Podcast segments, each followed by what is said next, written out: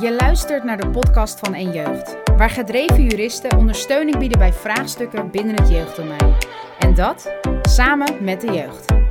In deze podcast zullen zij juridische onderwerpen bespreken, om kennis toe te voegen voor iedereen die in het jeugddomein werkt, om zo het recht en de praktijk dichter bij elkaar te brengen.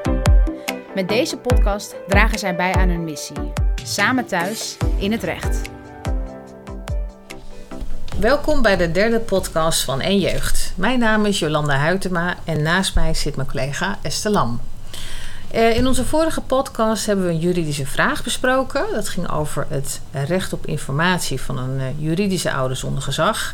En ehm, we ontvingen toch nog wat vragen die ook gingen over ouderschap, Ehm, en de rechten en plichten van de verschillende soorten ouders. Ehm, nou, we hebben daar vorige keer al even kort op uh, ingezoomd in de vorige podcast. Maar het is misschien toch even goed om te benoemen. Ja, met wat voor soort vraagstukken vragen we eigenlijk dan voorbij zien komen daarover. Uh, nou, Esther, kun jij dat toelichten? Wat voor soort vragen er dan uh, voorbij komen? Nou, het zijn vragen als bijvoorbeeld: ja, ik wil hulp inzetten Ehm, en ik heb daar de toestemming nodig um, van de ouders. De ouders zijn gescheiden. Wie moet nou eigenlijk toestemming geven? Ja. of een verzoek om uh, een ouder, nou, die hebben we de vorige keer ook wel behandeld. Ik wil dat dossier inkijken. Um, mag deze ouder dat eigenlijk inkijken? Ja. of ja, de, de ouders zijn gescheiden. Het hangt wel vaak toch met gescheiden ouders samen. Um, ja, er moet omgang vastgesteld worden. Maar wie heeft nou eigenlijk welke rechten? Hè? Dus welke nou, moeten we, heeft een ouder altijd recht op omgang? Hoe gaan we daarmee om? Dus dat zijn verschillende soorten vragen, waarbij het voor al die soorten vragen is het van belang om te weten met wat voor type ouder heb ik nou te maken. Ja. Ja. Dus dat zijn denk ik voorbeelden van vragen die veel professionals in hun dagelijkse praktijk kunnen tegenkomen. En die verschillende soorten ouders. Het is dus belangrijk om te weten wie heb, je, wie heb ik voor me. Want hè, uh, kun, je, kun je heel kort uitleggen wat voor soorten ouders er zijn en wat die ook voor rechten hebben? Ja, als we kijken naar de wet, um, dan kennen we drie soorten ouders. En dat zijn um, de juridische ouder met gezag, de juridische ouder zonder gezag en een biologische ouder die niet kan worden aangemerkt als een juridische ouder. Um, en wanneer ben je nou een juridisch ouder? Dat is in ons burgerlijk wetboek in boek 1 bepaald. He, dus daar staat, nou ja, in sommige situaties ben je dat automatisch als het kind wordt geboren. En in andere situaties moet je het regelen. Dat zal ik even kort toelichten. Als we nou gaan kijken wanneer ben je nou juridisch ouder. Ouders zijn getrouwd of hebben een geregistreerd partnerschap. Um, dan is het zo um, dat als het kind wordt geboren binnen dat huwelijk, binnen dat geregistreerd partnerschap, dat beide ouders juridisch ouder zijn, dus van rechtswegen en ook samen het ouderlijk gezag hebben. Dan ga ik even uit nog van de relatie man-vrouw. Um, ook bij vrouw-vrouw, maar bij man-man is het. Uh, nou, dan moeten er soms wat meer stappen gezet worden. Maar dit zijn eigenlijk dan uh, nog de meest voorkomende situaties. Um, dus dan ben je beide juridisch ouder en beide jullie heb je, heb je ook gezag over het kind. Dus eigenlijk een uh, gelijke positie op grond van de wet. Ouders die, um, um, ja, of, of een man en een vrouw, of uh, uh, die niet getrouwd zijn of geen geregistreerd partnerschap hebben, die samenwonen of die gewoon nou, een latrelatie hebben. En daar wordt een kind geboren. In die situatie is alleen de moeder van rechtswegen echt te zien als een juridisch moeder en heeft ook automatisch het gezag. Dus die vader in deze kwesties heeft nog geen juridische status. Dat moet geregeld worden. Als ouders samenwonen. Ja. Ze zijn dus niet getrouwd en hebben ook niet iets anders. Ja. Ja. ja. dan is het dus echt een ongelijke situatie. Dus dan zie je dat moeder twee automatische banden al heeft. En dat juridisch ouderschap en dat gezag. En voor die vader moet het geregeld worden. Dus die moet één het kind gaan erkennen. En twee dat gezag gaan regelen. Ja, ja om op gelijke nou ja, positie te komen eigenlijk. Wat betreft... Uh, en uh, Jeanette gaf je al even aan van, met betrekking tot die vragen, uh, waarom het zo van belang is ook om te weten met wat voor ouder je te maken hebt in de hulpverlening. Of nou ja, ook in het onderwijs en in de medische zorg natuurlijk. Het is veel breder. Um, omdat je dat moet weten om die vraag te kunnen beantwoorden. Van heb ik die toestemming nodig van die ouder? Of heb ik, mag ik die informa informatie verstrekken aan die ouder? Ja. Wat voor ouder heb ik nou te maken? Hoe kunnen professionals daar nou achter komen? Want wat voor ouder heb ik nu te maken? Ja, dat is uh, best wel ingewikkeld. Dat vraagt om kennis van het familierecht. Uh, daarom hebben wij bij de vorige podcast ook benoemd een ouderschapswijzer ontwikkeld. Hè, met tekeningen om dat uit te leggen, omdat het gewoon ingewikkeld is. Um, kijk, je moet dus iets weten van hoe zit ons familierecht in elkaar. Wat ik net noemde, zijn ouders getrouwd, een kind wordt geboren, dan zijn beide ouders zijn juridisch ouder en beide hebben het gezag. Dus er is sprake van gezamenlijk gezag.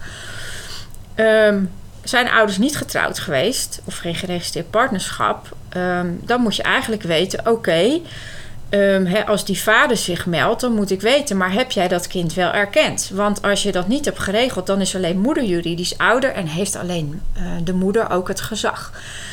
En als we dan gaan naar een vraag als: hé, ik wil jeugdhulp inzetten, daarvan zegt de wet, ja, dan moet eigenlijk die ouder met gezag of de voogd uh, moet daar toestemming voor geven, dan moet je dus weten wie zijn nou eigenlijk de ouders met gezag. Is dat dan alleen de moeder? Is het de vader? Het kan ook zijn dat de moeder het gezag heeft gehad, maar het weg is gehaald.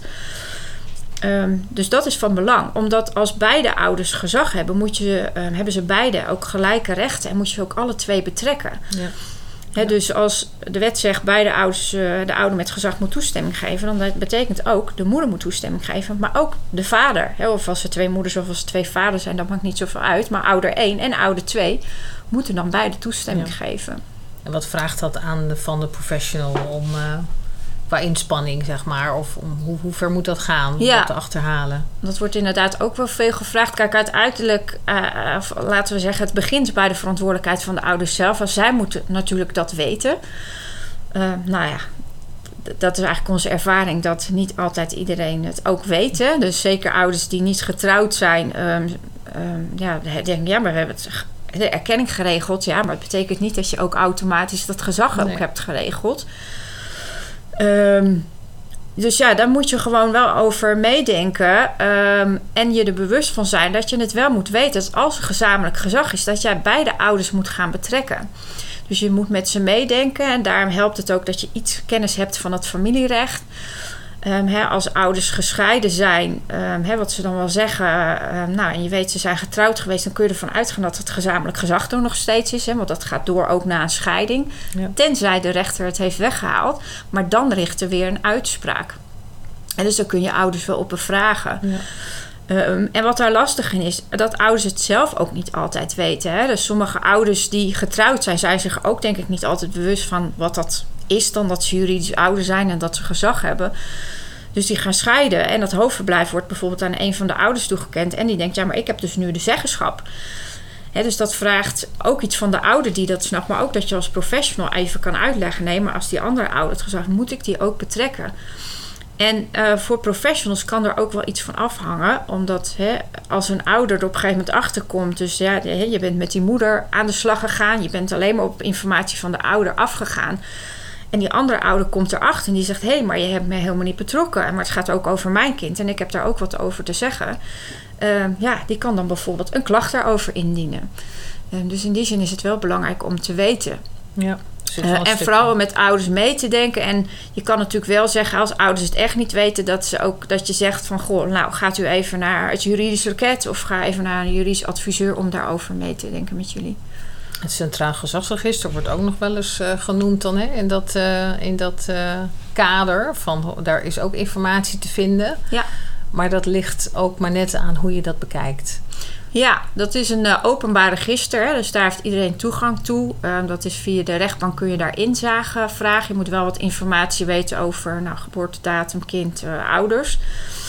Um, maar het lastige is, daar staan eigenlijk de situaties in waar een rechterlijke uitspraak, of in ieder geval de rechter bij betrokken is geweest. Hè? Dus waar het gezag is geregeld. In de situaties waarbij het gezag automatisch ontstaat op het moment dat het kind wordt geboren, die staan niet in uh, dat uh, centraal uh, gezagsregister, zijn niet terug te vinden. Dus ook daarbij zie je weer, ik, als professional moet je een beetje kennis van dat familierecht hebben. Ja. In ieder geval, dat helpt heel erg. Dat helpt wel en dat is best wel ingewikkeld. Ja. Um, toch uh, denk ik dat we hierbij uh, uitleg hebben gegeven over de verschillende soorten ouders. Om nog even kort uh, samen te vatten. Die verschillende soorten ouders met ook verschillende rechten en plichten. En wat je kan doen om daarachter te komen. Om vooral ook in gesprek te gaan natuurlijk met de ouders daarover. Ehm, ja, ik denk dat we dat hierbij voor deze keer dan laten. Dankjewel Esther. Ja, en dan gaan we afronden. En ik wil nog een, voordat we echt gaan afronden, wil ik nog een dankwoord uitspreken voor Moraya voor onze prachtige intro en outro. En graag tot de volgende keer. Bedankt voor het luisteren naar de podcast van En Jeugd. Heb je een vraag, wil je meer weten of heb je ideeën die je zou willen bespreken?